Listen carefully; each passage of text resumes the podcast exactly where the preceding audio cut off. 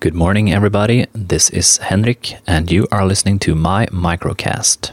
So, yesterday I finished reading The Ocean at the End of the Lane by Neil Gaiman, and I thought it was a wonderful book. Um, it was, uh, yeah, it was, an, it was a great read. I started reading it on August 31st, and I read quite a bit then on that that night. But uh, then I stopped, and life got in the way for uh, more than a month. So I picked it up again a few days ago, and have read more or less each night, and now finished it. And yeah, it's a. I recommend it for anyone who's into any kind of. If you tolerate fantasy in any way, you should uh, read this, or if you just want to read a different uh, sort of different story about uh, being a kid and looking at the world as a kid and how you change as you grow up. Um, I also want to make a quick note of uh, how great I think a service such as Goodreads is. I use Goodread to track my reading. Uh, whenever I start reading a book, I add it to my reading list there and I update pr- uh, my progress as I go along. I also I rate the books, but I don't write any reviews, and I don't read that many reviews. I don't really participate in the community over at Goodreads, but uh, I like having a book, uh, having a list of the books that I read and when I read them, and I also like how I can see my progress over time. Uh, it's from that list that I picked out the dates, August 31st, for starting reading this, and then I see the big gap before I continued again on October 12th. Uh, so I think that kind of list is uh, something nice to have. I like tracking things like that. Um, at the moment, I do have a list on my website where I manually enter the books that I'm currently reading, and then have um, have headlines for completed books in various years.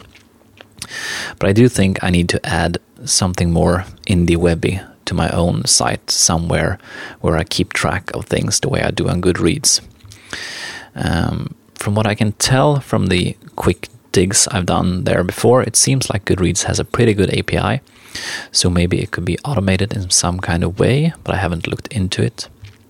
So, to those of you who listen to this, since I'm pretty sure most of you have some kind of interest in the open web and in the web movement and things like that. Uh, do you keep track of your reading in any way, uh, in any way outside of something like Goodreads, or do you just um, use Goodreads and hope that it sticks around the way I'm doing right now?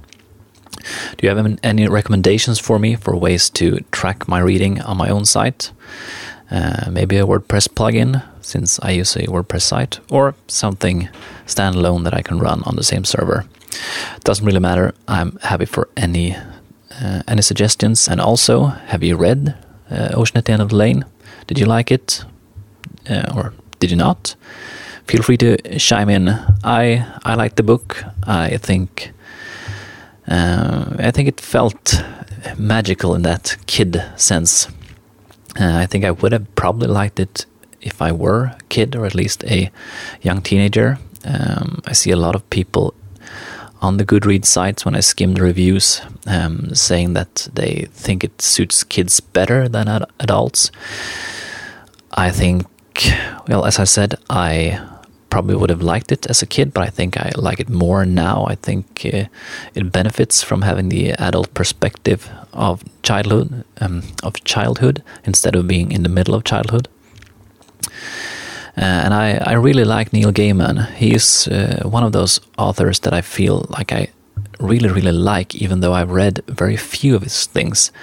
I've only really read this book and Neverwhere and a few Sandman uh, volumes. But in in some way, he's managed to lodge himself into my consciousness as a reader, uh, as a writer that I like.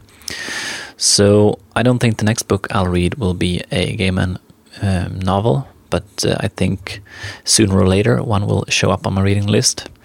Next up will probably be The Gunslinger by Stephen King. But I'll get back to that on another day and another time. Thank you for listening. Bye bye.